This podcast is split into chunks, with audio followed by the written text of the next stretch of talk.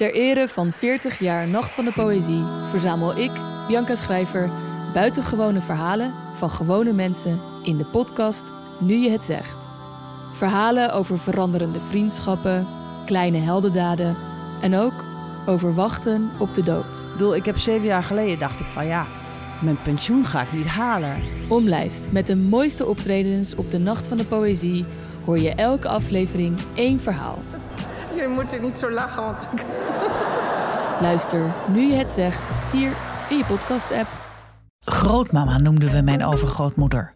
Marietje Gravin van Linden. Ze woonde op kasteel Ter Hoog op Walcheren. Zette grootmama zelf wel eens een kopje thee? Die stilte zegt genoeg. Je hebt haar nooit een kopje thee zien zetten. Nee, dat deed Mina, denk ik. Mina Marinissen was haar dienstbode uit Koudekerken. Ze bleef altijd ongetrouwd en werkte hard voor haar mevrouw. Je kon bepaalde dingen wel eens merken dat ik dacht, doe je mond open. Ze kon geen kant op. Luister naar Mina en mevrouw. Een podcast van mij, Maartje Duin, voor VPRO's OVT, NPO Radio 1. Hallo daar, fijn dat je luistert naar Boeken FM. Heb je een vraag voor ons? Stuur dan een mail naar boekenfm.dasmag.nl. En we zijn ook te vinden op Instagram, boekenfm. Wil je nou nooit meer een aflevering van ons missen? Abonneer je dan nu in je eigen podcast-app. En geef ons ook vooral een heleboel sterren en recensies. Dan zijn we ook zichtbaarder voor anderen die ons misschien willen luisteren. Hey Charlotte, Nice. Merel, ik zie allemaal gestrepen in jouw boek. En gekriebel, gekrabbel in de kantlijn. ja, dit is eigenlijk wel hoe ik altijd mijn boeken lees. Ik, Echt? eh, ja, en je hebt het correct gezien, het is ook met pen gedaan. Ehm, Radicaal. Nou ja, hier, ik heb gemerkt dat de meningen hier nogal over verschillen. Vooral toen ik in een café dit boek zat te lezen en er in aan het strepen was en een meneer van een zekere leeftijd tegen mij zei van, nou, dat eh, kon in mijn tijd echt niet, dat strepen in een boek. Eh, want toen eh, wa- waren boeken nog wat waard. En toen dacht ik, ja, ik heb dit boek voor 4 euro tweedehands gekocht. Het is van mij. Ik ga het ook niet meer doorverkopen of zo. Dus waarom zou ik er dan niet in mogen strepen? Wat eh, denken jullie daarover? Ik denk dat ik er wel in veranderd ben. Dat, is- dat ik misschien vroeger ook wel meer ontzag had of zo voor een boek. En dan hoogstens misschien heel voorzichtig met potlood. En nu merk ik dat ik ook rukzichtloos ben. Maar ik zie het wel ook wel echt als een manier van het boek je toe-eigenen. Wat ik vervelend vind voor degene die met mij de boekenkast deelt. Omdat ik dan, als ik hem een boek geef en denk, ja, dat moet je echt lezen, dan blijkt het al helemaal volgekrabbeld te zijn door mij. En ik moet dan ook altijd voor de zekerheid kijken, wat heb ik achterin geschreven. Want ik heb ook nog eens een keer de neiging om het ook te gebruiken als een soort notitieblok, s'nachts. Als ik Voor je eigen slapen, ideeën? Ja, voor mijn eigen ideeën. Dus zet ik achterin, zet ik ook nog even wat. Ja.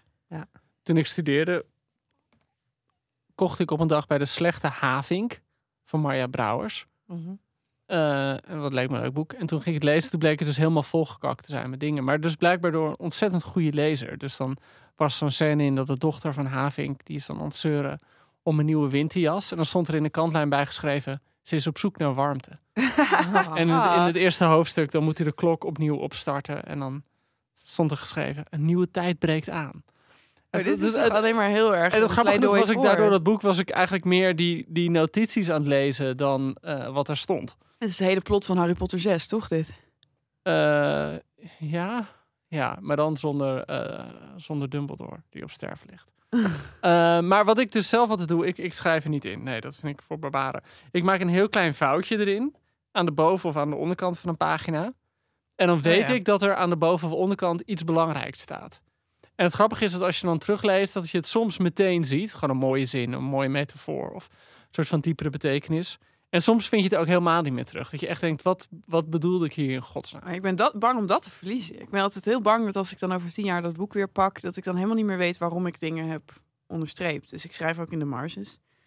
Ehm het punt is het allemaal even interessant is wat je, over, wat je Nee. te zeggen hebt over een boek. Maar Oh, maar je legt je eigen onderstrepingen uit, ook nog eens. ja, aan mezelf. Ja, zodat ik dan als ik iets erover moet schrijven of als ik het dan een andere keer er iets over moet weten, dat ik dan weet waarom ik het heb Ah, onderstreept. Dus als de luisteraars, dan er zit ongetwijfeld nu iemand te luisteren die over een x aantal jaar gaat promoveren op jou. Op die Die kan dan zo aantekeningen. door jouw boekenkasten en dan is het bijna een soort dagboek.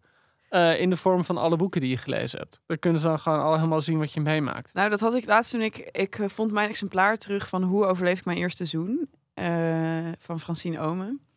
Eh dat ik las toen ik daar nog ruimschoots voor eh, zat. 23 of zo. Leuk. Gewoon Dit blijft overdoor. leuk. Gewoon zo overdoor. Ja. Eh, eh, waar ik soort van de jongen op wie ik toen verliefd was op de basisschool in Den Haag, waar ik toen eh, zat. eh, alle eigenschappen die hij gemeen had met de jongen die in dat boek voorkwam, was ik dan aan het onderstrepen. En dan schreef ik zo in de marges van ook de ogen van Hugo, uitroepteken. Ah. Als het dan ging over de ogen van het Nee, personage. ging je vanavond niet eten in Den Haag? Ja, helaas, ik ben Hugo uit het oog verloren. Ah. Eh, als je er Hugo, bent, als je luistert. eh, mail ons producer.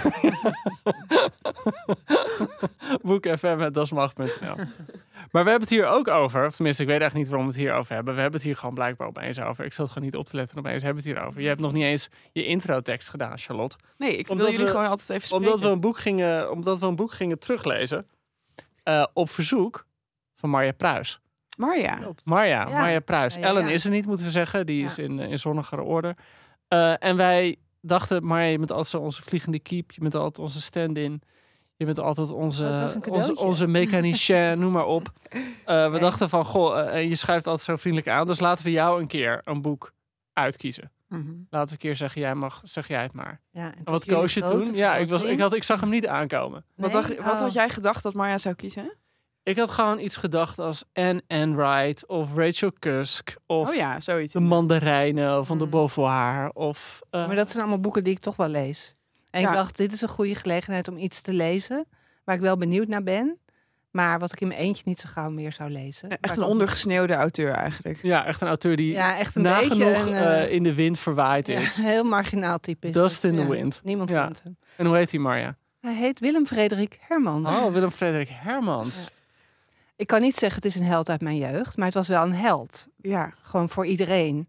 En dat is de reden waarom ik het graag nog een keer met jullie wilde lezen. het?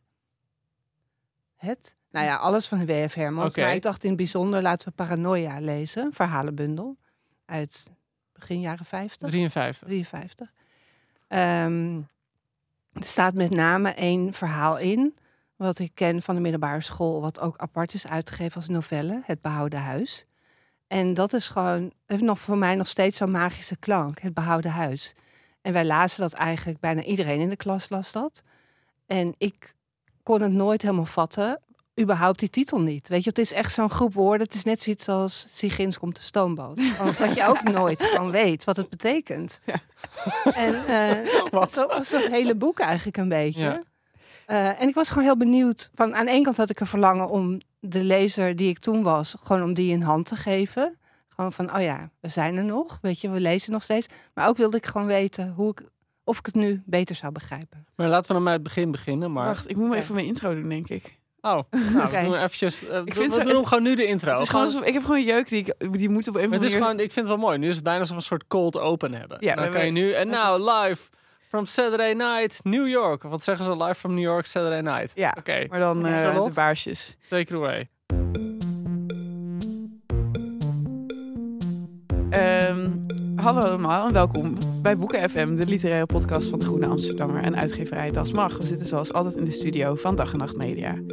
Nou jongens, dat is ook weer Ja, gedaan. mooi. hey Mar, je had het net over de lezer die je vroeger was. Ja. Wie was de lezer die je vroeger was? Heel nieuwsgierig. Ik was gewoon altijd wel gewoon een lezer. Maar ik heb wel, naar mijn gevoel, niet een geleidelijke overgang gemaakt van kinderboeken naar volwassen literatuur. Maar dat was gewoon opeens een stap. Opeens wist ik gewoon van, oké, ik stop nu met kinderbo- kinderboeken. Ik ga nu de echte boeken lezen. Hoe oud was je toen? Ik denk 14 of zo. Wat was het eerste grote mensenboek dat je las? Kaas. Oh, wat leuk. Ja. Dat is wel een hele goede eerste. Ja, hele goeie, ja. En wat ook, ook verteld hebt over hoe jij vroeger las, is dat je eh, een soort van hele rauwe eh, recensies in een schriftje schreef over ja, alles wat je dat deed ik toen nog niet hoor. Toen was ik denk ik 18 of zo toen ik daarmee begon. Ik Maar heb ook iemand te promoveren, want je, je hebt al die schriften nog ik heb al die steeds. toch? schriftjes. Nou ja, de, Ja. elke keer dat je daarover vertelt, denk ik echt van dat is echt een ontzettende schat aan eh Ik heb ze Ja. zelfs gezien. Je kan ze echt niet lezen, want Marja's handschrift. En soms lees ik er mirakel. jou wel eens uit voor. was laatst ook iets dat ik weer had herlezen. Dacht ik, oh, wat vond ik er toen van? Want ik heb nog steeds het idee, als ik wil weten wat ik er echt van vond, de waarheid staat in die schriftjes. Dan heb je dus ook het idee dat eigenlijk alleen je eerste impressie de waarachtige is. Ja, zoiets. Maar ik, dus als ik denk aan mezelf als lezer toen, denk ik, ik was gewoon op een bepaalde manier natuurlijk heel naïef en onbevangen, nieuwsgierig, ontvankelijk. Dus dat maakte mij ook de ideale lezer voor de moeilijke boeken van W.F. Hermans. Eh, en ook accepteerde ik gewoon dat ik het niet snapte, maar wel las ik het. En ik schreef ook een werkstuk over en ik werd naar de schoolbibliotheek gestuurd door onze leraar Nederlands. En dan moest ik Kees Vens gaan lezen. En die had van die essaybundels. Kees Vens. Ja, criticus Kees Vens. Wie een stukjes ik ook altijd uitknipte uit de Volkskrant. Die schreef toen op de voorpagina van de Volkskrant. Hij schreef over literatuur op de volpagina Ja, van en dat ging altijd over, Andere tijden. Over tijden. 13e eeuwse eh, manuscripten. Weet je wel, gewoon dat soort werken besprak hij. Op de voorpagina? Ja. Insane. Ja, dan was het echt zo van Suez-crisis. Dat was wel heel klein. En Ja, hij, hij, hij, ging, hij ging een beetje de krant door, volgens mij. Hij zwalkte een beetje door de krant. Maar hij heeft zeker ook op de voorpagina gestaan. Ik heb altijd zo'n hekel aan als mensen over Kees Fans beginnen. Dus altijd van, ik heb al zo vaak in van die... Ja, zo'n haantje. alsof zo vaak iemand over Kees ja, maar altijd zit ik van gevoel in van die Spui 25 bijeenkomsten. En dan gaat iemand uit de zaal of, of eh, van, stokoud ja, in de tijd van Kees Vens. Oké, Toen werd er nog echte literatuurkritiek bedreven. Dan denk ik altijd, oh nee, Kees sowieso bij Spui grijp naar mijn 25. revolver. Ja. Altijd zo. Ja. Ehm, wat mij hier aan fascineert Nou ja, goed, is dat jij als meisje dit dus las. En dat Mhm. het je niet in de weg zat dat het de hele tijd alleen maar over de oorlog gaat. Nee, dat accepteerde ik totaal. En dat was natuurlijk voor heel veel dichters en proza-schrijvers in die jaren dat het over de oorlog ging. En dat gold ook voor Engelse en Franse en Duitse schrijvers. Eh, Ik bedoel, ik ben eh, niet in de oorlog geboren natuurlijk, maar Nee. op een of andere manier was dat wel een hele nabije realiteit. Nou, op een of andere manier. Dat is gewoon heel logisch. Ik bedoel, de Tweede Wereldoorlog is ongeveer het grootste dat de mensheid ooit heeft meegemaakt. Ja, en mijn ouders En, hadden en die ook iedereen die dat meegemaakt. heeft of kort daarna Ja. geboren is, beïnvloedt Ja. het het leven. Ik vond het zo opmerkelijk met zomergasten dat Eberhard van der Laan er was. Toen nog burgemeester van, van Amsterdam. En dat hij zei dat hij elke dag nog met dingen te maken heeft die uit de oorlog voortkomen. Ja. Enfin, side- In zijn side werk? note. Ja, in zijn werk als burgemeester. Oh, wauw. Dat er gewoon zoveel loopt. Oké, maar, we Maar, moeten misschien even naar de... Het... vertel even. Toen je, Nou, toen nou, je dus- scholier was, was je, was je een haantje de voorste? Was je Nou, een, ik probeerde wel. Ik hield heel erg van het vak Nederlands. Dat was wel echt mijn lievelingsvak. En ik wist ook al van ik ga Nederlands studeren. En, eh, nou, het, gewoon het gekste vind ik als ik erop terugkijk. En daar moet ik ook wel aan denken als het gaat nu over ontlezing. En hoe krijgen we middelbare scholieren aan het lezen. Dat ik altijd denk, ja, maar het gaat niet om begrip. Ik bedoel, ik, ik snapte er ook niks van. En toch had ik er zin in.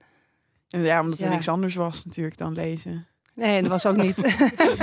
De cinema Nee, moest nog uit. waar. De gebroeders Lumière waren nog niet geboren. krijgen we weer het Jongens, ik gewoon het internet. Nee, oké. Ja, nee, je hebt helemaal gelijk. Nee, maar Er wat was je... niks anders, maar er was ook nog geen young adult literatuur of zo. Er Nee. was geen tussengebied. Maar goed, kijk, Ja, volgens mij hebben we het hier ook wel vaak over gehad. En, en dat is ook mijn ervaring. Ik weet dat Ellen dat, dat ook vaak genoeg heeft verteld. Het blijft gewoon zo'n puzzel dat heel veel mensen en heel veel leraren Nederlands die hun leerlingen aan het lezen krijgen, dan denken, en misschien hebben ze ook wel gelijk, ik bedoel, er bestaat geen wetmatigheid voor, maar denken van je moet iets aanreiken dat aansluit bij de leefwereld van de kids op, in de Mhm. klas. Terwijl bij mij was het heel erg, ja, ik las ook allemaal dingen die ik gewoon niet begreep. En dat was wat er zo geweldig aan was. Mhm. Dat was het avontuur van. Eigenlijk is Carrie Slee gewoon het begin van het einde geweest. Ja, ik denk dat Carrie Slee, dat we die met terugwerkende kracht eh, gewoon kunnen we haar penningen afnemen of zo. Of, Penningen. ze, heeft vast, ze vast een penning gekregen. Ja. Maar oké, jongens, paranoia, W.F. Hermans, Ja. Willem Frederik. Nou, wat een verhaal. had je, maar had je bij jou in de klas, want dat is natuurlijk het verhaal altijd, hè, zoals je de Rolling Stones en de Beatles had. Had je, had je ook, zeg maar, mensen die heel erg Mulisch waren en dan anti-Hermans, of mensen die heel erg Hermans waren en dan anti-Mulisch? Voor mijn gevoel is dat wel altijd. Mm, Ja, dat denk ik ook. Maar bij mij in de klas was het meer dat ja, de echte literatuurliefhebbers, of de, gewoon de, ja, de literatuurliefhebbers, die ontdekten hun eigen helden. En die gingen, stonden dan weer los van de grote drie. En ook van Wolkers. Dus dan was het toch zaak bijvoorbeeld dat je Biesheuvel ontdekte. Of Mensje van Keulen. Eh, dus meer de, de opkomende nieuwe schrijvers. En dit was gewoon wel echt verplichte literatuur. Maar niemand betwiste verder hun belangen of zo. Maar Ja, er was op een of andere manier had niemand een persoonlijke hartstocht voor een, voor een van deze drie. Oh, maar dat is interessant. En dat je dan toch dit boek hebt gekozen. Ja. ja, toch vanwege de magie die eromheen hing. Ja. Ik vind het interessant, we kunnen het misschien even hebben over hoe het begint. Ja. Want het is niet eh, eh, een roman, het is een bundel. En het begint met een preambule. Mag ik, mag ik daar iets over beginnen voordat we naar de inhoud gaan? Ja, natuurlijk. Ik, zat, ik heb eventjes de biografie van Willem Otterspeer. Die heeft een tweedelige biografie van Hermans geschreven een aantal jaar geleden. En toen dacht ik, ik ga even kijken hoe hij dat... eh, wie Hermans eigenlijk was toen hij dit, dit boek schreef. Misschien wel leuk om te vertellen. Hij was in, eh, dit boek is van 53. Toen was hij, had hij drie romans op zijn naam staan. Conserve, De tranen der acacia's en Ik heb altijd gelijk. Hele goede titels. Ik vind wel met W.F. Hermans, al zijn titels zijn zo goed. Daar Ja. ben ik heel jaloers op. maar goed, in ieder geval. En in 52 was hij ehm, gaan werken als assistent fysische geografie aan de Rijksuniversiteit Groningen. En dat, dat is op zich wel heel grappig om eh, te werken. Hij was ook verhuisd naar Groningen met zijn vrouw. En kijk, Hermans was natuurlijk altijd een soort man gemaakt van schuurpapier. Die aan iedereen een hekel had en met iedereen ruzie maakte. En je hebt ook al, al die brievenboeken van hem. En dan van die mensen met wie die beste vrienden zijn. En dan een brief later is het oorlog. Ehm, en wat, wat, daar, wat ik daar heel grappig vond, is dat hij dan naar Groningen ging. En eigenlijk Groningen vreselijk vond meteen. Eh, maar dat hij toen op dat instituut eh terecht kwam. En dat toen binnen de kortste keer de koffiekamer in bezit nam. Dus mensen kwamen op hun werk en opeens was er geen koffiekamer meer. Dat was gewoon de kamer van... Hij had bedacht dat dat de kamer voor zijn experimenten moest zijn. Want hij was met grond bezig en, en, en aarde en, en rots en dat soort dingen. Mhm. Dus opeens was er gewoon... ge- En toen heeft de, de decaan echt een brief gestuurd aan het personeel van... Oké, dit moeten we deze meneer Hermans maar gewoon gunnen, want, want hij heeft het nodig. Ehm, wat ik ook grappig vond om te lezen over hoe dat boek tot stand komt... is dat, beschrijft Otterspeer eh, aan de hand van allerlei brieven... dat hij bedacht, ik maak een verhalenbundel, want ik heb een aantal verhalen liggen... Eh, en die leverde je in en die waren te dun. Het was 140 pagina's en hij dacht dat is niet rendabel om uit te geven. Dus heeft hij als een sodemieter een lange preambule geschreven. En dat is wel grappig. Ja, dat, sorry, dit is mijn bruggetje naar wat jij wilde vertellen. Maar was... Want dat die preambule super interessant is. En dat heeft hij dus echt gewoon, gewoon met een soort van noodweer geschreven vanuit het idee, ik heb tekst nodig. Er, er moeten pagina's bij. Maar daardoor begint het eigenlijk per ongeluk heel charmant of zo. Want hij doet een soort boekje open over hoe hij werkt. En eh, hoezeer hij altijd onder de indruk is van onbeschreven papier en van Mhm. mooie schriftjes en eh, sorteermappen en wat dan ook. Eh, en dat hij fantaseert over een eh, toekomst als miljonair, wanneer hij waar in een huis zou leven dat vol onbeschreven kantoorartikelen eh, staat. En dat de enige manier waarop hij kan schrijven is als zowel hij als de tekst met de rug tegen de muur staan. Namelijk in de marges van dingen en achterop een brief. En nou kijk, hij zet het wel extra dik aan of zo. Maar het is het begin van een, van een monoloog over ehm, ja, wat, het, wat het betekent om te schrijven. En, eh, eh, en wat het betekent om dingen in taal te willen vatten, maar dat eigenlijk niet te kunnen. Ja, en hij schrijft ook van de schrijver is een god. Het is iemand die alles in één blik overziet. In het leven kan dat niet, maar een schrijver kan dat wel. Maar, zegt hij, in dat papieren paradijs zit een fout. Want wat je op papier schrijft is nooit de werkelijkheid, maar het is maar een mogelijkheid. Dus hij maakt meteen een soort van die schrijver als god. Dat, dat vindt hij ook niet goed. Het is toch sowieso een van de grote frustraties. Tenminste, oké, het weinige dat ik dan van Hermans heb gelezen. Maar het lijkt wel alsof een van de grootste frustraties bij hem altijd is, is dat je de werkelijkheid niet kunt ontwarren van zeg maar fantasieën en wanen en leugens. En eh, dat het hem heel erg fascineert dat er geen werkelijkheid is. Ja. Zo. Ja, we Ja. leven allemaal in Ja. een waan. Zelfs over je eigen leven. Dit vond ik wel echt zo dramatisch geformuleerd. Dat hij zegt, wij zijn niets anders dan de strandvonders van ons eigen leven. Brokstukken verzamelend langs de zee der vergetelheid. Dat hij gewoon, zeg maar... En dan die zin, die, de- die heb ik onderstreept, die daarna komt. In onze hand lopen wij met de verroeste spijkers van een groot gezonken schip. En wij denken dat dit oud roest een horloge is. Ja, Zoals de mooi. schrijver niet Ja. kan bewijzen wat hij schrijft opgeschreven had moeten worden, zo kan de mens niet bewijzen dat wat hij werkelijkheid noemt geen waan is. Ja. Ehm, Terwijl heel veel op, nou ja, al best paranoïde denken over Ja. Nou ja, en- Ik zit wel te denken, nu we dit zo voorlezen, denk ik, misschien accepteer je dit wel alleen van toch dat je dit echt accepteert van een schrijver die overleden is. Hoe bedoel je? Nou, als dit nu gisteren geschreven zou worden door Eus. eh, Eus bijvoorbeeld, ja. stel je voor. Pieter Dan zouden we toch echt denken van, jeetje, wat een aanstellers, hè? Nou, het grappige is wel dat, Ja. dat zo'n bundel begint met zo'n preambule. En het is een soort Het van... woord preambule al. Ja, een prachtig woord, preambule. Jij gaf het al meer betekenis dan het eigenlijk heeft. Want het Nou betekent ja, gewoon inleiding. Het toch? betekent inleiding, maar voor mij voelt een preambule is ook een soort beginselverklaring. Zo heb ik het woord altijd opgevat. Van je begint met zeggen waar het je om te doen is in Mhm. een preambule. En dus het feit dat iemand een bundel begint met een wereldbeeld, Mhm. daarmee zeg je als schrijver ook van ik ga niet nu zomaar een verhaaltje vertellen. Ik ga laten zien wat de wereld is. Ik ga laten zien wat de werkelijkheid is en hoe we daar geen grip op Ja. hebben in dit geval. Ja. Dus- jij zei dat, dat alleen iemand als hij dit zou kunnen doen. Nou, dat zijn maar in het Nou, eigenlijk. we hadden het er net over van, voor de uitzending. Van, dat Mhm. voelt bijna iets van zou je dat nog pikken als Rob van Essen eh, zijn verhalenbundel hiermee begint? Nou, je zou altijd denken, die heeft het hoog in zijn bol, denk Ja. ik. Maar jij zegt het is omdat hij dood is, dus dan accepteren Ja. we het. En omdat hij natuurlijk heel succesvol is Hij heeft geweest. dat oeuvre natuurlijk in zijn rug. Ja, ja. maar eh, eh, jij had het ook over dat kon alleen in die tijd. Nou ja, omdat het, bijna suggereert dat je heel erg geïnteresseerd bent in de schrijver. Niet alleen als een verhalenverteller en iemand die stijl en fictie bedrijft, maar ook als een denker. Oh ja. Want ik bedoel, zoals Mulisch natuurlijk ook heel duidelijk in al zijn boeken en in al zijn essays. Mhm. Eh, die gingen niet zozeer over een onderwerp. Ze gingen altijd primair over Mulisch kijk op wat het universum Ja. is en wat de wereld is en wat de mens is. Eh, en, en Hermans doet het ook he- natuurlijk heel net. Dus het suggereert bijna, het- het ziet echt de schrijver. Het, is, het heeft de opvatting van de schrijver ook als denker, ook als Ja, als filosoof. filosoof. En niet, niet als iemand die een verhaal vertelt om, Nee. Een om een publiek te entertainen. Ja, nee. Ja. Eh, ja, ik dacht wel van, op een of andere manier vertroebelt het dus wel de blik die je dan hebt op die verhalen. Dat ik toen ik de preambule had gelezen, dacht ik, ik had liever misschien eerst de verhalen gelezen. Oh ja? Ja, Ja, Omdat, het zo, omdat het zo een duiding geeft al aan wat je gaat Ja, lezen. ja. Ja, maar het grappige Bijvoorbeeld is- omdat hij ook uitlegt van... oké, de, de bundel heet Paranoia. Eh, maar ik ben geen eh, psychotherapeut, weet ik veel. Ik ga Mhm. niet een ziektebeeld toekennen aan mijn personages. Dat is aan jullie. Ja. van ja, maar nu heb je, al op, heb je al op een of andere manier mijn mening daarover gevormd. Dus Ja. dat je het dus niet hebt bedoeld als een specifieke psychische aandoening die die mensen dan hebben. Maar dat ze dan op een of andere manier een hersenspinsel van jou vertegenwoordigen. Ja, ja. Het is best wel bijna postmodern of zo. De preambule die stelt een soort tweedeling. Dus aan de ene kant, eh, of hij zoekt de hele tijd, hij schetst een aantal paradoxen. Dus eh, de paradox tussen, of de tweedeling tussen een totaal systeem op het dictatoriale af die de wereld helemaal verklaart. Eh, en totaal toeval. Tussen logica en surrealisme. Tussen waan en de waarheid. Tussen systeem en wanorde. En eigenlijk zegt hij, orde bestaat alleen in wetenschap. eh, in harde logica, in dingen die meetbaar zijn en controleerbaar zijn. Alleen al die harde logica, daar heeft de mens in het leven geen boodschap aan. Want eh, het leven is gewoon gekkigheid en toeval. En de oorsprong van alles is chaos. En dan komt hij echt bij de zin die zo mooi schuin gedrukt staat. Mhm. Er is maar één werkelijk woord: chaos. Mhm.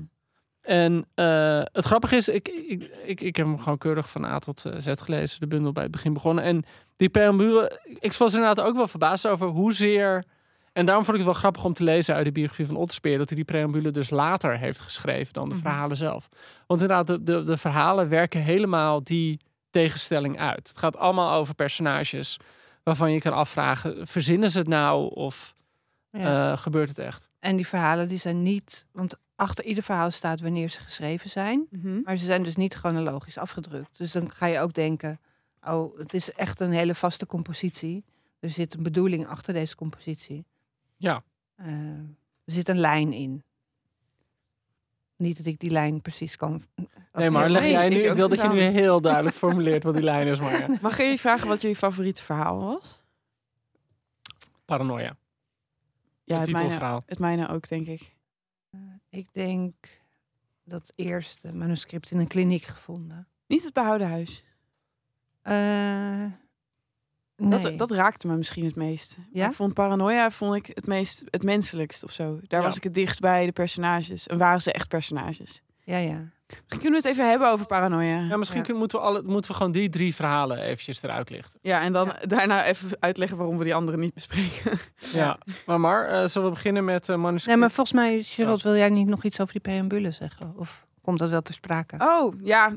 Nee, dat was, je bedoelt dat, eh, die opmerking die ik in de marge Ja. had gezet. Ja, Ja, ik, ik werd getroffen Oh, door ja, een, inderdaad. een, een, een soort rare speculatieve zin van hem. Waarin hij soort van tot in het absurde doortrekt wat er zou gebeuren als je al je onafgemaakte gedachten noteert. Hij schrijft dit. Ehm, wanneer wij alles, maar dan ook alles wat wij horen, zien, proeven en menen, ook onze vergissingen, onze meest idiote opinies, ook onze onafgemaakte zinnen registreren konden, en bovendien een orgaan bezaten om dit museum als met één oogopslag te overzien, hoeveel minder reden zouden wij hebben overtuigd te zijn van onze nietigheid? Uitroepteken. Ehm, ik dacht, het gaat gewoon over het internet. Ik Ja. denk, misschien ben ik daar te veel mee bezig altijd in mijn hoofd. Van, oh, mijn generatie, et cetera. Maar eh, Ja, ik vind het, heeft echt toch wel- scherp gezien. het is, toch, het is Ja. precies hoe het, hoe het Ja. zit of zo. Mensen zijn, in plaats van dat het dan democratiserend zou werken. Oh, ik besef dat iedereen even belangrijk is als ik. Is juist dat nu je al je eigen gedachten kunt registreren, denk je alleen maar van. Ben je, heb je juist niet je nietigheid meer op het oog of zo. Nou ja, goed. Anyway, ik vond dat interessant. Ja.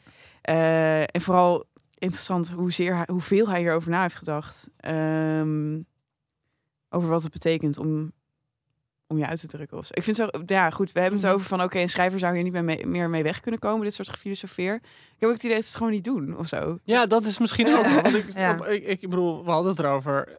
En denk ik, ja, ik zou het eigenlijk wel heel tof vinden als het gewoon op zo'n manier begint. Nou, het getuigt wel van een grote ernst en een soort van eh, dat je je werk heel serieus neemt. Ja. Eh, en dat zeg ik vaak pejoratief of zo. Van oké, je, als je jezelf te serieus neemt, dan heb je dus geen gevoel voor humor. Mhm. Maar ik vind het wel interessant om zo in het echt te zien dat iemand het schrijven Ja. heel serieus neemt. En niet op zo'n manier van ik heb een boekje geschreven. Maar gewoon van oh, oké, ik heb een alles verzengende theorie over wat literatuur moet zijn. Ja, maar ik zit nu ook te denken, misschien is het wel wat we bijvoorbeeld wel nog van een Franse schrijver accepteren. Weet je, Houellebecq is natuurlijk eigenlijk ook zo'n Oelebek. tota- Houellebecq. Oelebek. Michel Houellebecq. Hij is ook zo'n hele apodictische schrijver met een heel vast omlijnd wereldbeeld. Hebben jullie An Aneantier al gelezen? Nee, nog niet. Nee. Oké, nou ja, goed. Maar gek daar niet genoeg, het enige boek wat me te binnen schiet dat het recentelijk heeft gedaan, min of meer, eh, is alleen maar nette mensen, van Robert Fuisje. Ik weet Oh nog ja. weet hoe dat begint. Dat begint met zo'n hele stelling over hoe de verschillende etniciteiten over elkaar denken. Oh, ja. En eh, Ja. een soort van spottende, satirische Ja. manier. Mhm. Maar wel, ik weet nog dat ik dat las en ik dacht van wauw, wat een, wat Ja. een dapper begin van een boek Oh. of zo. En Dat was best wel helemaal- jong, toch? Toen het verscheen. Geen idee. Nou, het zou, ik sluit ook niet uit dat we nu de Hermans onder ons gewoon nog niet zien. Dat hij wel bezig is, bij wijze van spreken. Dat is heel optimistisch. Heel optimistisch. Hermans, in space. Je ziet Joost Als je meteen een beetje rechterop zitten. Ik denk van, misschien ben ik het wel. Right under our nose. Oh, he's been there all along. In the mirror. Ehm, maar Ja. laten we dat eerste Ja. verhaal doen. Ik heb heel erg de neiging om dat moment uit te stellen. Eh, Pak je papier erbij. ik sla mijn boek open. Ja. We nemen even pauze, oké? Kun je dat even vlug lezen? Meer Nee, waarom, kijk, ik, dit verhaal kende ik niet. Dit las ik dus voor het eerst. Nee, dat heb je toen toch toch ook wel gelezen? Ja, ik denk het wel eigenlijk. Ze las het als met nieuwe ogen. Ja. Ehm, wat ik, nou, in het algemeen geldt voor alle verhalen in deze bundel dat je weet gewoon niet wat de hoofdpersoon vertelt of dat klopt. Of Nee. hij echt iets ervaart wat hij zegt te ervaren. Nee, alleen En dan ook, vond ik dit verhaal vond ik het summum daarvan. ook omdat het, het, heet letterlijk manuscript in een Ja, daarom. begon- ja, maar dat is dan zo Ja, echter dan dat kan iets niet zijn. Het eerste is gevonden. maand. Niemand mag s'nachts Ja. het bed uit, maar ik. De zusters hebben mij lief. De ene doet of zij het niet ziet. De ander glimlacht vol verering tegen mij. Onder de groene nachtlampen op de kruispunten van de gangen. Wanneer ik voorbij kom. Op weg naar de trappen naar het dak. De zusters hebben mij lief, vind ik zo'n leuk Ja, zin. heel mooi. Want er zit alles in, je weet Ja. wel. Dat gewoon, het is natuurlijk niet waar. Ja. Nou ja, goed. Anyway. En dan krijg je het verhaal van een jongen eh, op school eigenlijk. Ja, hij kijkt eigenlijk terug. En soms heb je het idee dat hij ergens staat waarop hij het zelfs kan zien. Dat hij het voor Ja, zijn ogen ziet Maar afspelen. het voelt aan alsof hij op dat Ja. dak staat. Ja. En vanaf die dak zeg maar zijn eigen schoolplein ziet. Vanaf Ja. het dak zijn Ja. eigen schoolplein ziet. Maar Hij is 20 jaar na zijn eigen schooltijd zit hij in een in een kliniek. sticht. Ja. Ja. Eh, en dan blijkt ook wel uit het verhaal dat er zich verschrikkelijke, gewelddadige dingen hebben afgespeeld in zijn leven. En het zou best kunnen dat hij aan wanen leidt en dat hij daarom echt is opgenomen. Maar ik weet het niet zeker of het klopt. Niemand wilde meer met mij spelen. In het begin was ik altijd alleen op het grote plein. Later, deden, later deden zelfs de weeskinderen mee wanneer ik werd gepest. Ja, het is Echt gewoon als, als Ja, zelfs de, de ik- weeskinderen je pesten, Ja, ik dan gaat dus, het niet goed met je populariteit. ik denk dus dat dit verhaal, eh, dat dit gewoon mij het meeste trof, omdat hij zo, eh, ja, zo voorstelbaar over de gruwelijkheden schrijft die kinderen elkaar aandoen op school. En die dus inderdaad helse proporties aannemen Ja. wanneer hij in die school rondwaalt en Ja. de school soort van om hem heen woekert als een tunnelstelsel. Ja, Het werd eh, dat eh, ja, dat, dat zit er heel erg in. Ja, maar ook dat Ja. tunnelstelsel. Hij, bes- hij beschrijft die, die school ook echt als een gebouw waar je ingaat en dan eigenlijk het daglicht gewoon niet meer terug kan vinden, bij wijze van spreken. Ja, ik was een beetje aan het rondkijken. Wat jij al zei over Hermans, dat er zoveel kritisch werk over geschreven is. Ja. Waar, dit is, wordt regelmatig het verhaal vergeleken met eh, eh, de hel van Dante. Oh, ja, ja. Eh, en dat is soort van die verdiepingen van die Ja, school hij afdaalt naar de... Klimt en dan daalt hij weer. Ja. En het is Maar goed, ik, heb mijn, ben niet zo bijbelvast en ook niet Ja. zo Dante Ja. vast. Dus ik, het- je kunt mij alles wijsmaken. Ja. Wat ik zo interessant aan dit verhaal vond, is dat die gekte van hem wordt zo subtiel weergegeven, vind ik. Kijk, je hebt natuurlijk meteen door dat hij niet goed bij zijn hoofd is. Maar ehm, vooral dat dingen van causaliteit en tijd eh, anders bij hem binnenkomen. Dat zit bijvoorbeeld heel erg hier aan. Hij kijkt naar de school en de school gaat uit en dan gaan de kinderen het schoolplein op. Dat is iets, een soort logische iets. Als je dat zou zien, dan vind je dat niet gek. Maar hij ziet het zo. Het lawaai zwelt aan. Het gebouw kan het niet meer bevatten. Juist bij tijds worden de deuren opengezet en het plein wordt met kinderen bespat. Alsof soort van het, het gebouw aan het overlopen was en het soort van op tijd opengezet moest worden. Terwijl het natuurlijk andersom is. De bel gaat, de deuren worden opengezet, ja. de kinderen gaan naar buiten. Ja. En zo komt alles soort van net een beetje verwrongen op hem over. Ja. Maar het ja, want ik, ik vond dit een, een treffende passage over hoe vreemd die school is.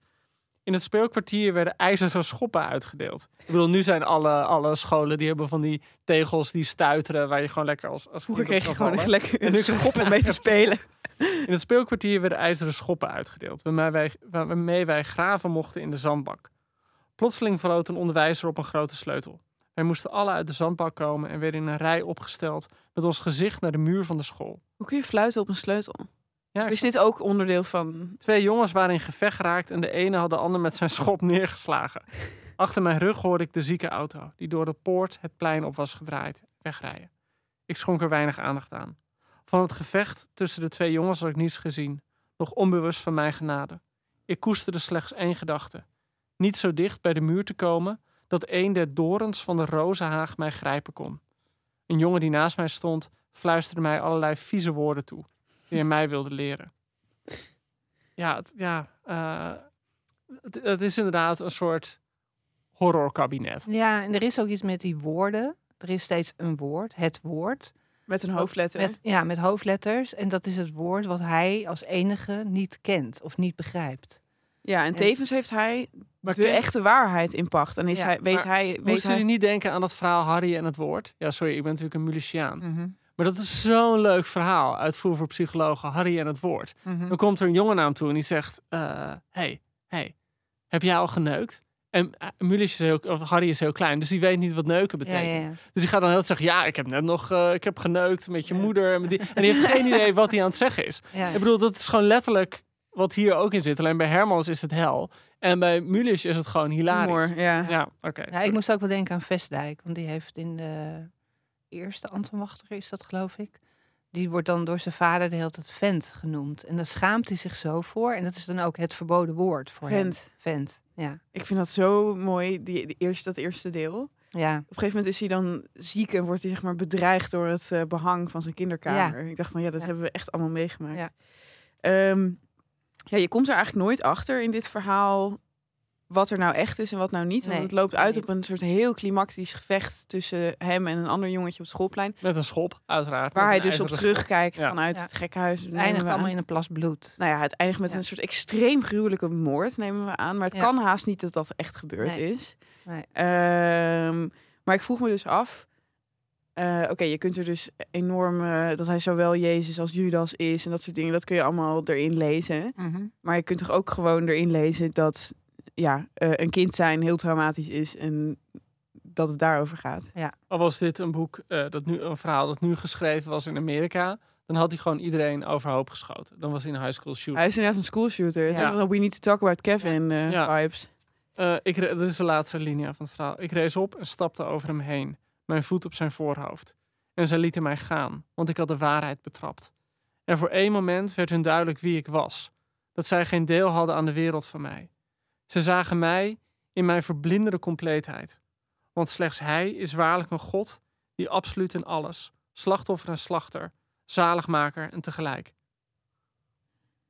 Nou, Hermans. Ja. Hermans begon trouwens als dichter. Hè? Ik bedoel, eh, volgens mij is, is dit verhaal misschien het eerste proza-verhaal wat hij schreef. In ieder geval, hij pu- publiceerde dit in het jaar waarin hij eh, nog bekend was als dichter. Ik heb wel eens wat van die gedichten gelezen. En die gaan ook heel vaak over langs een schoolplein lopen. En in het, in het gegil van kinderen eigenlijk al het geweld horen. Wat hem te wachten staat. Ik denk altijd, waar zou de literatuur zijn zonder mensen die het moeilijk hebben gehad op de middelbare school? En we pesten niet meer genoeg. Daarom gaat het zo slecht met de Nou, literatuur. ik denk, daarom zijn er geen lezers meer. Ja. Ik vind het wel opmerkelijk dat, eh, afgezien van de vraag of dit soort boeken nog geschreven zouden kunnen worden, toen dit werd gepubliceerd, kwamen er zulke uitgebreide beschouwingen over. Mensen namen het zo bij voorbaat serieus. En ik had bijvoorbeeld een heel lang stuk van Helle Haas. En dat was echt, denk ik, de meest dankbare collega-schrijver die er was. Die hele mooie essays ook over hem schreef en over Wolkers. Gewoon zo uitgebreid de tijd nam om gewoon alle symbolen op te sporen en eh, de betekenis in te leggen. Heel dienstbaar. Ja, maar dat is interessant dat je dat zo formuleert. Want heb je het idee dat die betekenis er dan niet oorspronkelijk in zat? Eh, dat denk ik wel, maar het is zoveel wat zij eruit haalt dat ik toch denk, oh ja, het speelt zich allemaal op een onbewust niveau af. Onbewust zit het er allemaal in, maar de lezer, aan het is aan de lezer om het te zien en het eruit te halen. Het is natuurlijk altijd wat Hermans. Het is van Hermans toch? Dat beroemde idee van er valt geen mus dood van de dag Ja. zonder dat het betekenis heeft. Ja. En Maar ik heb ook door Hazen las ik dat Hermans ook is van de, wat hij dan noemde de ideële rijmen. Hij vond dat er eh, eh, gewoon woorden, passages, die herhaalt hij gewoon door de verhalen heen. Maar die kunnen dus bladzijden lang uit elkaar liggen. Maar het is dan ook aan de lezer om die te- weer te laten resoneren. Waardoor je in de, het onderbewust van de lezer opeens een flits van eh, betekenis ontstaat. Dat klinkt nu misschien heel vaag, maar nee, maar het is doe jij wel... dat niet als je schrijft? Ik doe dat altijd. Flitsen van betekenis? Ja, ja, gewoon als je mijn oeuvre zou moeten samenvatten. Ja, maar is flitsen van betekenis. Zo heet ook de biografie die ik over jou Ja, ook mijn biografie. Dat is een documentaire serie die Netflix nu aan het maken is. Die heet Flashes of Meaning. Ja, ik weet niet Maar je wordt gespeeld door een geblondeerde Timothy Chalamet. Ja, Ik weet ja. niet of je me nu in de zaak neemt, maar... eh, Nooit, maar nooit. Het gaat dus om de betekenis die de lezer proeft.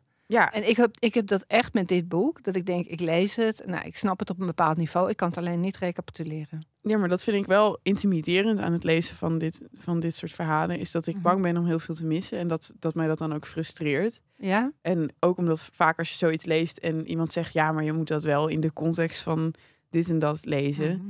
De, eh, in dit geval altijd de Tweede Wereldoorlog... waar ik dan nooit genoeg van zal weten... om het Ja, over ja. van Hermans, Hermans te kunnen begrijpen. Mhm. Dat ik dan denk van ja, maar dit, dit is dan niet voor mij. Of, of Ja, eh, het is heel erg dat ik, dat ik, maar, dat ik maar 60% meekrijg of zo.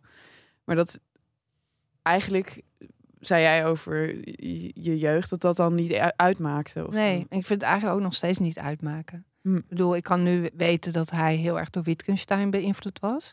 Maar ik hoef nu niet Wittgenstein erop na te gaan slaan. Of ik hoef het ook niet helemaal precies dan te weten. Ik haal er toch wel wat uit wat, wat ik op dit moment interessant vind. Ja. En ja, wat dat betreft vond ik het herlezen van het behouden huis ook wel weer eh, mooi. Omdat ik nu pas zag hoeveel absurditeit erin zit. Zullen we het even over het behouden huis hebben? Is goed, dan eindigen we met paranoia. Ja, het behouden huis. Heel raar verhaal. vond Heel ik raar dat. Het was totaal niet wat ik verwacht had. Nee. Op een of andere manier, ik heb het, het is ook als aparte novelle uitgegeven. Mhm. Ook eh, trouwens echt ongelooflijk als je kijkt hoe vaak die boeken herdrukt zijn. Hè? Echt niet normaal. Gewoon dat al die, ik bedoel, dit is een verhalenbundel 26 keer herdrukt. Maar je weet niet wat de We oplage hebben ook alle ik een weet hele niet wat de andere... oplagen Nee, ja, maar- nee, maar nou ja, dat- ik probeer ook iets nuchters Nee, te zeggen. Ja. Ja, maar goed, het behouden huis is ook vaker als, als autonoom boek eh, zelfstandig uitgegeven. Mhm. Ehm, en op een of andere manier dacht ik altijd, het gaat over een soldaat tijdens de oorlog. En die komt in een huis en die leeft daar een soort van afgezonderd in de tijd. Ik had een soort zacht sprookje in gedachten. En toen ging ik het lezen en het is gewoon, ja, een soort van actiefilm. Het is gewoon, Ja, er gebeurt juist heel veel. ja, er gebeurt zoveel. Maar het is wel grappig nu je dat zegt. Ik, ik was van plan om het samen te vatten als een soort heel verstild verhaal. Maar dat is ook, ook eigenlijk helemaal niet zo. Er wordt gewoon niet zoveel in gepraat. Misschien Nee, dat is is dat het het. Er zit gewoon heel weinig dialoog in. Ja, en je hebt gewoon de hele tijd dat perspectief van de hoofdpersoon. het gaat op geen enkele manier over beweegredenen van de personages. Nee, dus het gaat over een soldaat die zit bij de partizanen. Het begint midden in een veldslag. Eigenlijk dacht ik, hij wordt doodgeschoten. Hij droomt dit. Oh. Of hij, dat is Mhm. mijn idee. Want hij begint zo en er wordt overal om hem heen geschoten. Dingen ontploffen. Eh, en dan opeens wordt hij, lijkt hij ook geraakt te worden. Maar dan loopt hij toch weer verder. En dan is er opeens niemand meer. Terwijl ik dacht van, hé, hey, je zat net nog in een soort van urban warfare situatie. En nu opeens... eh, en dan vindt hij een huis. Een mooi huis. Waar hij naar binnen gaat. In een badplaats die eigenlijk helemaal verlaten is. Ja, en dat huis... Weet heet- niet in welk land, toch? Nee, dat wordt nooit uitgelegd. Nee. Nee, maar ja, eh, het, gaat net over de partizanen. Dus dan vermoed je dat het ergens... eh, Ze spreken wel Duits met elkaar daar. ja, maar je verwacht dan dat het, ja, dat het ergens misschien Polen is. eh, Hmm. nou goed, die kant op aan de Oostzee of zo. Ehm, en dan komt hij in een huis dat eigenlijk helemaal gaaf is. Alsof er geen oorlog is buiten. Ja, en hij ontdoet zich van zijn soldatenkleren en hij hu- hult zich eigenlijk in de identiteit van de eigenaar van dat huis. Hij begint zichzelf er bijna van te overtuigen dat hij altijd al hier heeft gewoond. Dat, dat herhaalt hij zeg maar een aantal keer tegen zichzelf. Het is ook de enige manier waarop hij eigenlijk kan recht praten dat hij daar maandenlang blijft. Terwijl hij was gewoon op een soort op missie gestuurd door zijn sergeant of zo. Ja. En toen is hij maar gewoon niet teruggekomen. In plaats daarvan is hij in bad gaan liggen in dat huis. Ehm, en hij, hij maakt het steeds meer tot zijn eigen huis. Hij verzamelt er ook allemaal zwerfkatten. Ja, Eh, tot zijn grote frustratie is er één kamer die niet open kan. ja, het is wel een stukje suspense. Je Ja, zegt dat er zijn weinig beweegredenen, Ja. maar er zit wel ook echt een soort doel Ja, met in. beweegredenen bedoel ik vooral dat ze de, de nationaliteiten zo totaal uitwisselbaar zijn.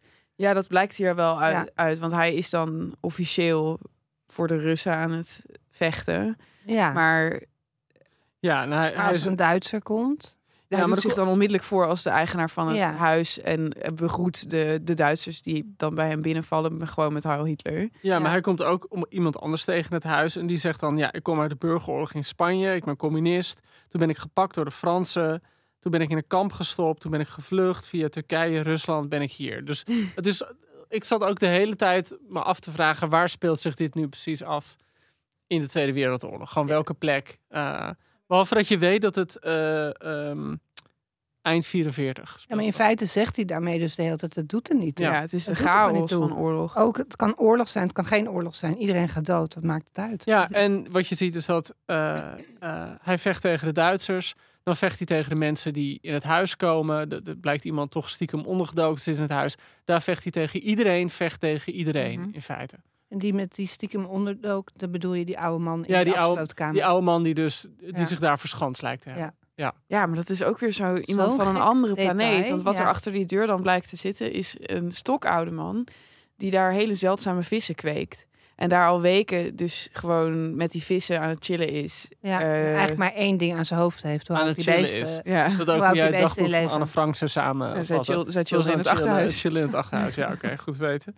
Ja, nee, dus die man is er daar inderdaad ondergedoken. Ja. En eh, ja, die moet er dan ook aan. Want iedereen Ja. moet eraan op een of andere manier. Ja. Ik vond dit van alle verhalen die dus wel allemaal over de oorlog gaan, Mhm. was, was deze het meest nadrukkelijk een beschrijving van oorlog Ja. of zo. Er, ge- er valt op een gegeven moment een. Gewoon, ja, Ja. het is gewoon bommen en granaten. Ja, maar hij probeert ook te duiden, heb ik het idee. Want op een gegeven moment valt er dus een stilte. Eh, he- op, helemaal op de eerste bladzijde al. Hè. Er eh, valt een stilte. Eh, en hij beschrijft dat alsof de oorlog een groot ziek lichaam was Ja, dat een morfine-injectie kreeg. Ehm, ik heb, ja, verder probeert hij nooit zo duidelijk uit te leggen hoe het voelt om in oorlog te zijn. En hoe de mannen die dat aan, daarin, daaraan deelnemen, daarmee omgaan. Je hebt al dus op een gegeven moment ook eh, een vent die zegt... nou, ik, zit al, ik ben al 40 jaar oorlog aan het voeren. Ik ben, eh, en elke ochtend om, om half zeven 's ochtends scheer ik mij met warm water. Je weet wel, Oh ja. weer of geen weer, of Ja. ik zeg maar in een greppel lig of niet. Mhm. Ik moet me elke ochtend Ja. scheren om half zeven 's ochtends met warm water. Ehm, kijk, paranoia gaat natuurlijk ook heel erg over het effect dat de oorlog op iemand heeft. Maar Mhm. dit, dit, dit gaat, is, is explicieter op een of andere Ja. manier. Maar Mar, had jij ook niet een, een meer ehm, maatschappelijk metaforische lezing? Nou ja, ik zat gewoon. Ik, ik, me- ik haakte nu de hele tijd aan die, die zinsnedes over wat dat het niet uitmaakt, oorlog, geen oorlog.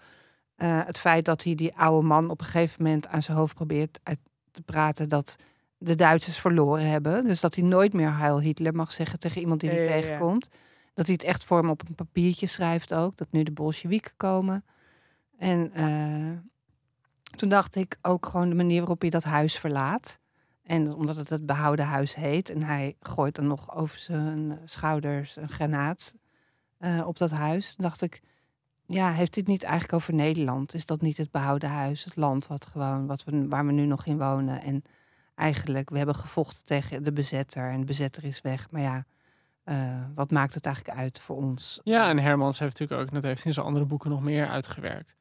Was een van de eerste die eh, natuurlijk heel nadrukkelijk schreef van goed en fout zat heel dicht bij elkaar. En we waren Ja. helemaal geen helden. Nee, En het verzet was helemaal eh, was heel klein en was heel beperkt. En we hebben ons allemaal interessanter voorgedaan dan we daadwerkelijk waren. Want we waren gewoon aan het kruipen en proberen te overleven. En niet meer dan dat. Ik bedoel, het Ja. zit natuurlijk ook heel erg in de donkere kamer. En in herinneringen van een engelbewaarder. En in andere boeken. Ik bedoel, het zit altijd, zelfs in Au pair, een van zijn laatste boeken, gaat het altijd over van die foute oorlogsverleden. Dat mensen toch niet zo'n wit opgepoetst blazoen hadden als dat ze doen voorkomen. Nou, de bevrijder is in dit boek ook compleet barbaars. Terwijl de Russen die uiteindelijk... oh, die verschrikkelijke sadistische tafereelen die Ja, dan nog even... Het behouden huis Ja. gaat eigenlijk ten onder aan de goede de kant. of zo. Ja, Ja. ja. en want dat zijn allemaal Ja. ja. uitgehongerde soldaten die zeg maar dronken van overwinning eh, dat huis als, als trofee soort van nog even kapot moeten maken. Alles Ja. wat er mooi aan was. Eh, de, de engeltjes op het plafond, tot aan de mensen die er oorspronkelijk wonen, tot aan gewoon Ja. alles wat er mooi was geweest en rustig Ja. aan dat huis. Zo gruwelijk is dat. Ook dat ze op een gegeven moment heeft, komt er iemand de kamer in met een glas waarin dan nog naar luchthappende tropische vissen Ja. zitten. Ja, ja, ja. Verkleed in de jurken van de dode Ja. eigenaar van, Ja. van dat huis. Ik moest echt tussen, Ja. mijn, tussen mijn vingers door moest ik dat lezen, omdat ik Ja. van dat huis was gaan houden. Ja, Eh, er blijft niets van over. ja, dus dat, is, dat, dat was inderdaad Ja. eh, echt zo'n stelling over van. En, en hij dan, wie is hij dan? Hij heeft ook geen ideologie. Nee, Eh, dat vind ik dus heel mooi. hè. Dus hij zegt dus ook de hele tijd: er is gewoon geen, geen vooruitgang in die zin. Eh, aan het eind zegt hij, beschrijft hij zichzelf: daar stond ik, precies zoals ik begonnen was. Een smerige soldaat op de tapijten tussen de marmerwanden van een vreemd huis. De tijd had de helling niet kunnen nemen en rolde terug. Ja. God, dat is wel echt heel mooi geschreven trouwens. Hè? Ja. Zou die eens wat mee moeten doen? Ja. Maar Die ik, had nog wel, ik ben geen Moulichiaan, maar ik had toch, ik moest wel aan Moulisch denken bij die aquaria, omdat ik opeens dacht van waarom zijn er nou weer vissen? Weet je wel, en in de aanslag gaat het natuurlijk om salamander. Salamanders. Ja. Salama- Weet je van die koude beesten, van die niet aaibare beesten. waarom, ze, waarom worden die nou juist zo, zijn dat de, de, de, de wezens die gekoesterd Ja. moeten worden en waar zoveel aan opgeofferd wordt? En hier zit wel ook een hele lange beschrijving in van katten. Ja, Eh, eh, en hoe zij zich, eh, hoe onverschillig zij eigenlijk tegenover ons.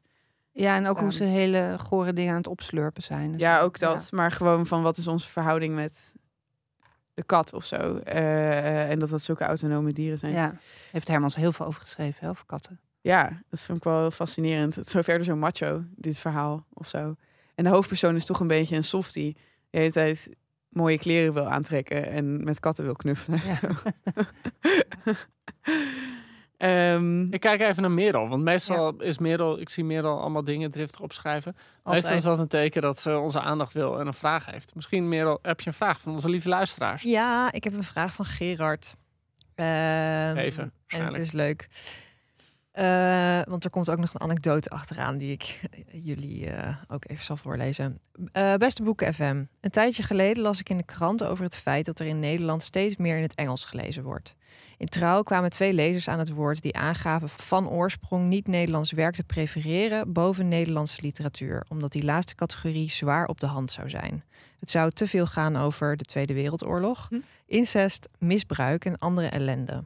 Dat zette me aan het denken. En gek genoeg dacht ik vrijwel direct: wat zou het Boeken FM-team daarvan vinden? Als je de Franse of Engelse of Amerikaanse literatuur in algemene zin naast die uit het Nederlandse taalgebied plaatst, zou je dat dan kunnen stellen dat de Nederlandse literatuur zwaarder, donkerder of zwartgalliger is? Of is zo'n onderscheid onzin? Ik ben benieuwd naar jullie reactie.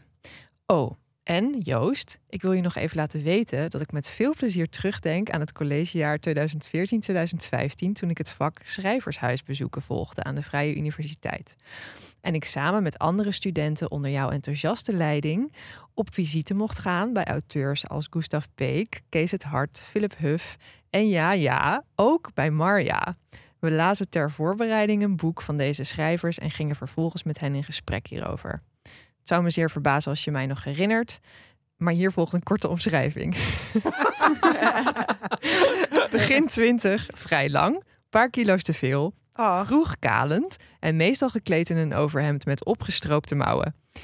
Anyhow, de bezoekjes van toen hebben toen mijn voorliefde voor het Nederlandse schrijverschap een flinke boost gegeven. Mooi om te zien dat jullie in de podcast deze categorie ook zeker niet vergeten. Hartelijke groeten, Gerard. Ik ben verliefd op Gerard. Gerard, wat, wat heerlijk. Ja. Leuk hè? Ja, we, gingen toen, we zijn toen bij jou nog Ja. Toen woonde je nog in Utrecht. Ja. Ja. Kun je Gerard nog herinneren? Ja, ik zit nu heel erg te denken. Maar het is een beetje lullig als ik hem nu niet kan herinneren. Dus je zet me wel voor het blok, Merel. Oh ja, nou, hij Dat het een markante verschijning is. Ja, Ja. Het was best een grote groep. Het was best wel een grote Ja. groep. Ik vond het heel leuk, die schrijvershuisbezoeken. En ik weet nog dat ehm, in toenemende mate ook de, de deelnemers heel erg onder de indruk waren. Uiteindelijk was volgens mij won Kees het harde populariteitswedstrijd. Want daar kwamen we aan en Kees had gewoon kratten bier gehaald en taart en chips. En dat... ik weet dat we volgens mij eerst naar Philip Huff. Nou, dan kreeg iedereen een glaasje water of zo. Maar toen waren we eenmaal bij, bij Kees. Dat was gewoon Ja, ja. een soort verjaardagsfeest was dat. Ja. Maar die vraag, hè, hebben jullie dat ook het gevoel dat Nederlandse literatuur zwaarder is? Ik zat wel te denken, we hebben, we- eh, het ging over incest, misbruik en de oorlog. Ja. Eh, dat hebben we volgens mij alle drie wel gehad in onze besprekingen bij Boeken FM.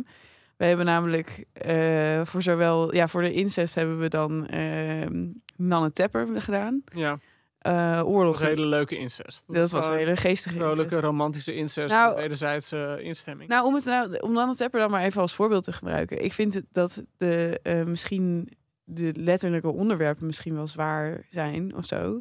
Eh, maar dat Nederlandse schrijvers wel een gevoel voor humor hebben of een zekere cynische blik. Dat kun je dan ook weer als zwartgallig Ja. ervaren natuurlijk.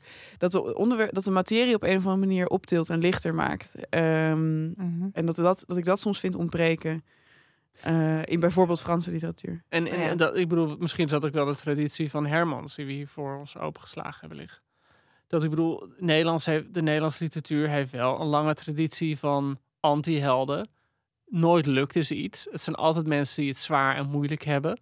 Eh, het zijn altijd mensen die cynisch door de wereld gaan over het algemeen. En als ze niet cynisch zijn, dan worden ze door de schrijver daarvoor afgestraft. Ja, Dus dat vind ik wel. Nederland heeft natuurlijk ook een traditie van best wel realistisch proza. Dus gewoon heel veel ja, regen die tegen het raam slaat. lelijke mensen, Lelijke mensen. saaie gesprekken. Ja, ik, het, het, ja, kijk, je kan bij alles kan je natuurlijk honderdduizend uitzonderingen verzinnen. Ik bedoel, alles is tegelijkertijd waar. Eh, en, en wat wij zien van de buitenlandse literatuur, eh, of nou Frans of Engels is. Kijk, wij krijgen natuurlijk uit het buitenland vooral de boeken mee die daar opvallen. Dus wij krijgen heel vaak het beste mee van Frankrijk en eh, Engeland. En vanuit Nederland krijg je alles mee. En dus dan heb je automatisch eh, zit je ook met, met de, de boeken waar je minder in geïnteresseerd bent. Of die, die ik wil niet middelmatig zijn, maar gewoon die, die niet. eh, kijk, de, de Engelse boeken die wij hier, die hier vertaald worden, of die in grote. Dat zijn altijd de boeken die van grote namen komen of prijzen hebben gewonnen, weet ik wat. Terwijl in Nederland zie je natuurlijk het volledige aanbod. Oh, maar ik dacht Ja, maar- juist van deze mening is gebaseerd op zeg maar Hermans en Manon Uphoff en niks anders. Ja, maar als je Manon Uphoff leest, dat is gewoon ja, prachtig proza. Eh, Ja, ja, maar wel als het gaat over als we het dan hebben. Zware thematiek. Ja, Nou ja, Ja. je zou ook kunnen denken, is dat niet ook de definitie van literatuur? Dat het toch gewoon het beest in de bek kijkt. En als je denkt aan ja, eh, een happy end, eh, dan zit je toch al snel aan een soort zoetsappigheid te denken. ja, met beesten in de bed kijken, denk ik, je hebt ook heel veel beesten die je gewoon lekker kan knuffelen en zo. Ik bedoel, waarom moet het altijd dat grommende beest zijn? Mm, Eh, ik bedoel, er zijn ook gewoon hele aaibare beesten. Ja. Mijn ja, theorie je- over waarom mensen Engelstalige literatuur lezen is, en ze geven er dan nu een inhoudelijke reden voor, maar ik denk dat het dat helemaal niet zo is. Ik denk dat het is dat mensen de hele godganse dag Engelstalige tekst tot Ja. zich nemen, toch al. Mhm. En dus gewoon het Engels comfortabeler vinden dan het Nederlands. ja, Nou, en ik denk ook in... En, dan heb je ook een grotere variëteit aan schrijvers waar je uit kunt kiezen. Ik denk dat de stap gewoon Ja. veel kleiner is tussen, Ja. je weet wel, als je de hele dag televisie kijkt of, in, of internet zit Mhm. en daar in het Engels Nou, maar ik, ik denk dat alle cultuur, ehm, hoe zou ik het zeggen, alle mensen die cultuur tot zich nemen, dat heel internationaal doen. Dus je kijkt net zo makkelijk naar een Franse zanger en eh, een Amerikaanse tv-serie en een Engelse schrijver. En dat is ook, denk ik, een onweerstaanbare ehm, aantrekkingskracht van cultuur. Het is ook heel leuk om iets te lezen dat iedereen leest. En als je inderdaad net zo makkelijk allemaal op TikTok filmpjes ziet en op Oh ja. social media, dan zie je vanzelf die buitenlandse auteurs voorbij komen. En dan natuurlijk vooral Amerikaanse en Engelse auteurs. En dan denk je, hé, hey, daar ben ik ook wel benieuwd naar, want ik zie het nu al tien keer voorbij komen. Dus, dus het is eigenlijk ook wel gek, dat, of, of het is niet gek als je eh, in je cultuurconsumptie benieuwd bent naar wat er allemaal eh, populair is in de wereld, dat je dan bij buitenlandse dingen aankomt. Wel zonde denk, van ja. Nederlands. Wel zonde van ja, Nederland. ik vind het ook zonde. Maar Nederlandse literatuur wordt denk ik ook wel is wat internationaler gericht geworden. Gewoon ook omdat Nederlandse schrijvers er meer voor uitkomen dat ze beïnvloed worden door buitenlandse schrijvers. Terwijl ik denk dat in de tijd van Hermans en Mulisch was Nederlandse literatuur veel meer een reservaat op zich. Ja. Ja, maar ik denk ook, ik bedoel, jij hebt Nederlands gestudeerd. En eh, er was een tijd dat als je wilde gaan schrijven, eh, of je nou fictie wilde schrijven, of je wilde criticus worden bij een krant, of je wilde bij een uitgeverij werken, iedereen studeerde Nederlands. Nou, niemand studeert nu nog Nederlands. Iedereen studeert comparative literature. ja. Eh, dus, dus in die zin is, is. Ik denk dat geen schrijver van, van eh, mijn leeftijd of jonger eh, zal denken van. Oh, ik, ik werk in een Nederlandse traditie. Je werkt gewoon in een internationale traditie als je daar al bewust van bent. Ik vind het wel heel oeverloos worden daardoor. Ja, dat, dat- merkte ik bij die studie. Ik heb comparative literature gestudeerd. En het was eigenlijk alle logica was zoek eh, wat er van de groot. vakken betrof. Ja. Je weet wel, die werden dan door de, door de docenten Ja. uitgekozen. Mhm. En het was het allerprettigst was om naar een specialist te luisteren die alles wist van zeg maar literatuur uit Syrië of zo. En dan dacht ik, ja, maar dat, dit is geweldig. Ik had dan eigenlijk nog liever Syrische literatuur gestudeerd dan alle literatuur of zo. Ja.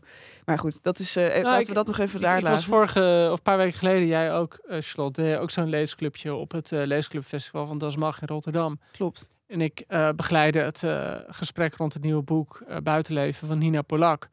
En dan doe je altijd zo'n voorstelrondje. En er waren echt heel veel mensen die zeiden van ja, eh, en ik vond het heel leuk om dit boek te doen, want dan lees ik weer eens een Nederlands boek. Ja. En ook mensen die zeiden ja, dat ze heel verbaasd waren over hoe leuk het was, want het was een Nederlands boek. Ja, de laatste keer dat het laatst was voor de lijst natuurlijk. Ja, dus ja, eh, ja, we moeten ook niet onderschatten dat er heel veel hele leuke Nederlandse schrijvers Ja. zijn.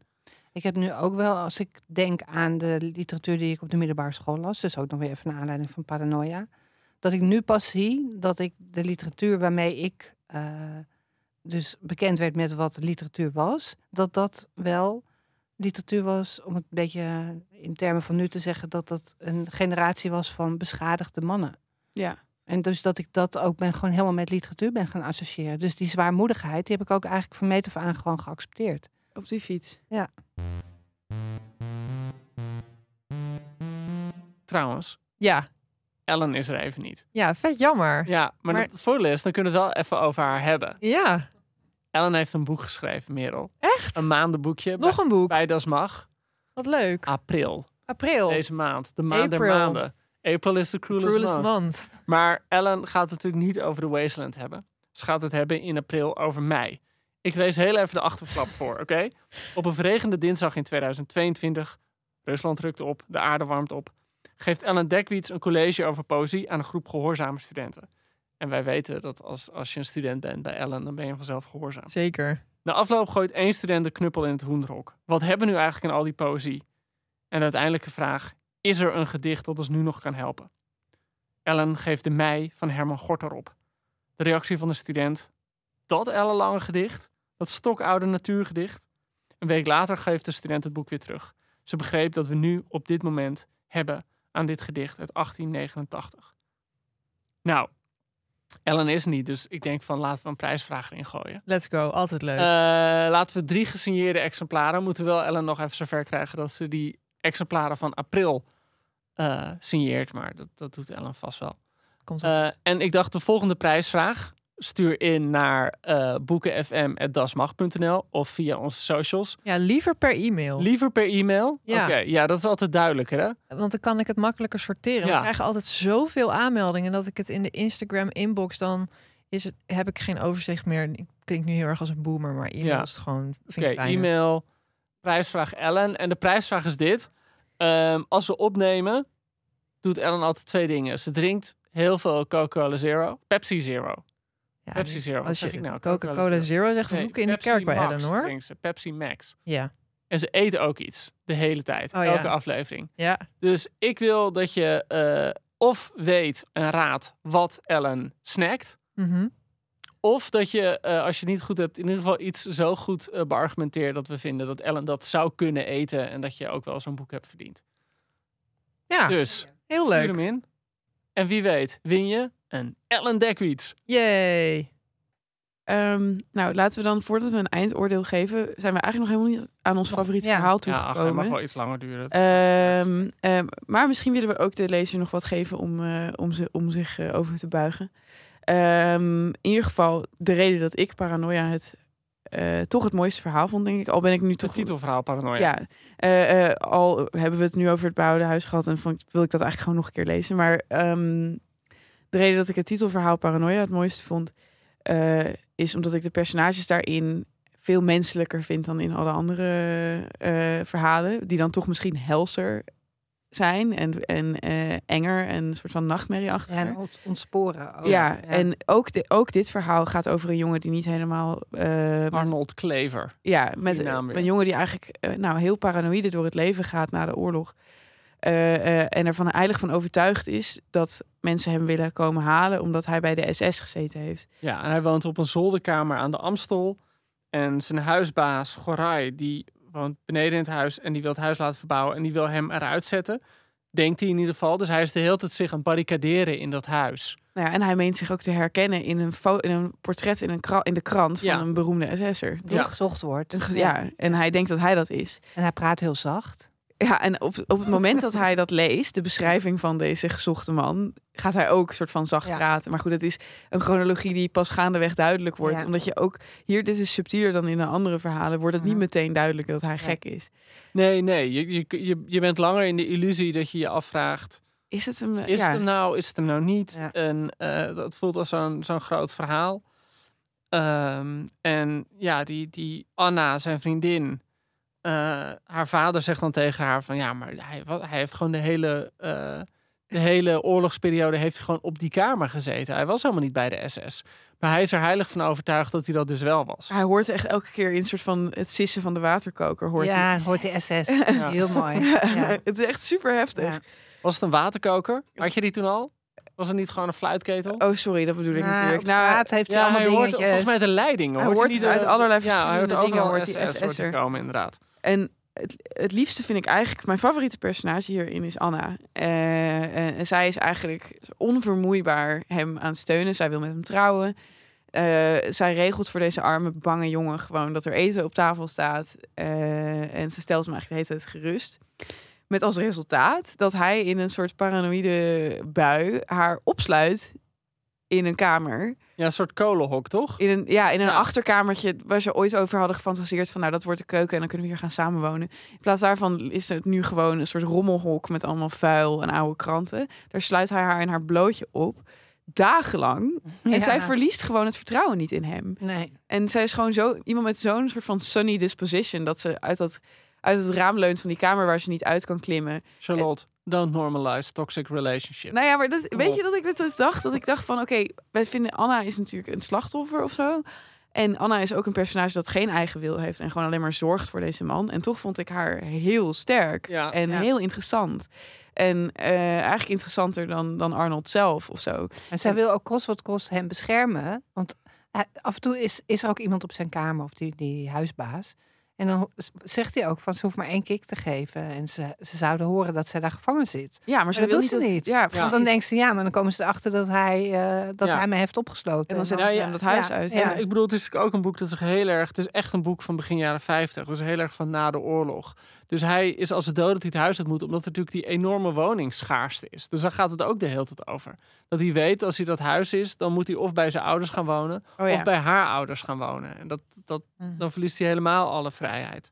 Het Dus hij, hij sluit zichzelf op... omdat hij bang is zijn vrijheid kwijt te Ik raken. probeerde trouwens wel het huis te visualiseren. Hadden jullie dat ook? Ja, ik zat Hij ook, kijkt uit op de Blauwbrug. ik liep ja, er langs. ik zat ook te denken. Ja. Je liep er lang- oh. Tenminste, ik, ik, nam- ik dacht dat ik er langs liep. Ja, ik Eh, zat ook helemaal te ja. denken waar het, eh, Ja. waar het was dan. Het liefste moment is als Anna dus al dagen in dat hok zit en, eh, eh, en een beetje over de daken uitkijkt. Want ze zitten op de, op de bovenste verdieping. En er shokt daar op die daken eh, een, rol, een hond. Ja, een, hond, een, Sint Bernard. Een, een oude Sint-Bernard Ja, hond op de daken. een Ja. te veel stinkt en te oud en te ziek is om nog binnengehouden te worden. En nou ja, op Arnold komt dit allemaal over als een soort hele enge aapman die hem probeert te bedreigen. Maar Anna ziet hem voor wat het is, namelijk gewoon een zielige hond. En dan terwijl zij dus zelf gewoon, terwijl het heel slecht met haar gaat, neemt zij een moment om zich om die hond te aaien en naar hem te roepen: hondie, hondenmuis. en ik vond dat zo lief. Ja. ja. Ik, eh, ja, daarom vond ik dit verhaal eigenlijk was dat toch mijn favoriet, omdat ik denk van ja, dit zijn gewoon echte Ja. mensen. Ik had gewoon Ja. zoveel sympathie voor ze allebei. Ja. Eh, we zullen maar niet vertellen hoe het afloopt Nee, Arnold. want dat is- Nee, nee, nee, doe maar. Nee. Doe maar niet. Eh, dat En dan heb je de verhalen gelezen, en tenminste in mijn versie van het boek, dan sla je dus het boek dicht en dan kijk je nog eens naar de achterflap, naar de foto van de auteur, naar deze lachbek. Ja, bedoel, wat is dit gek voor lach? Ja. Je hebt een hele enge grijns, heb jij. Ik heb hem met zijn, eh met zijn meetinstrumenten. Oh ja, Ja, hij is toch best knap zo, als je hem zo ziet. Nou, dat is dat wel een sterk foto. profiel. Mooie neus. Goeie kop. Jij hebt geen foto, hè? Je Ik hebt heb weer een soort hele ernstige mannenuitgave, heb Ik jij. heb uh, volledige werken, sorry. nou jongens. Maar wat- denk je, Charlotte, dat je nu meer van hem gaat lezen nog? Ja, eigenlijk Ja? wel. Ik denk dat ik een beetje was blijven hangen in eh, Nooit meer slapen. Dat is dan het laatste wat ik van Oh ja. hem gelezen had. En dat vond ik gewoon eigenlijk een heel vervelend boek. Ja, Sorry, ik dat, ook. dat kan ik ik weet misschien, dat er echt nu krijg ik waarschijnlijk allemaal dingen naar mijn hoofd 60 keer geslingerd. Maar dat is sowieso het moeilijke met Hermans. Ik bedoel, we waren net aan het praten over het behouden huis. En toen dacht ik alleen maar, oh god, je hebt allemaal van die Hermansianen die gewoon woedend zijn als je, als je dit... Ik weet nog dat die biografie van Otterspeer uitkwam, Willem Otterspeer. En dat hij zoveel troep over zich heen kreeg. Omdat je echt van die mensen hebt die het gevoel hebben van... Hermans is van ons en niemand anders mag iets over hem zeggen. Die Ja, zich ja. zo vereenzelvigen met dat wereldbeeld van Hermans. Die Ja. zullen wel uitsterven inmiddels, toch? Ja, ik weet het niet of die onze podcast luisteren. Ja, We hebben alleen maar zonnige vrouwelijke Maar mensen dit die is toch echt heel gek, want dan zou het betekenen dat er één lezing is van zijn werk. Terwijl als ik dit lees, denk ik, nou... Ja, je kan er heel veel aan lezen. over, eh, Ja. Nou, en zo Ja. kunnen wij nog wel uren door. Helaas is onze tijd om. Eh, we zien jullie heel graag over twee weken weer terug. Ja. Eh, eh, wat wij dan gaan lezen, misschien leuk voor jullie, kunnen jullie meelezen. Nee, nee, nee, we weten het nog niet. Sorry. Huh? Ja, oh, ik had bedacht, ik had, sorry, ik, had, ik, ik ga nog dingen opgooien, oké? Oh, oké, pardon. Oké, sorry. Eh, we laten Joost even zijn spelletje spelen nog. Eh, blijven we nog maar even in het ongewisse. Eh, maar we zien jullie in ieder geval over twee weken terug. Tot dan. Doeg. Doeg. Doei.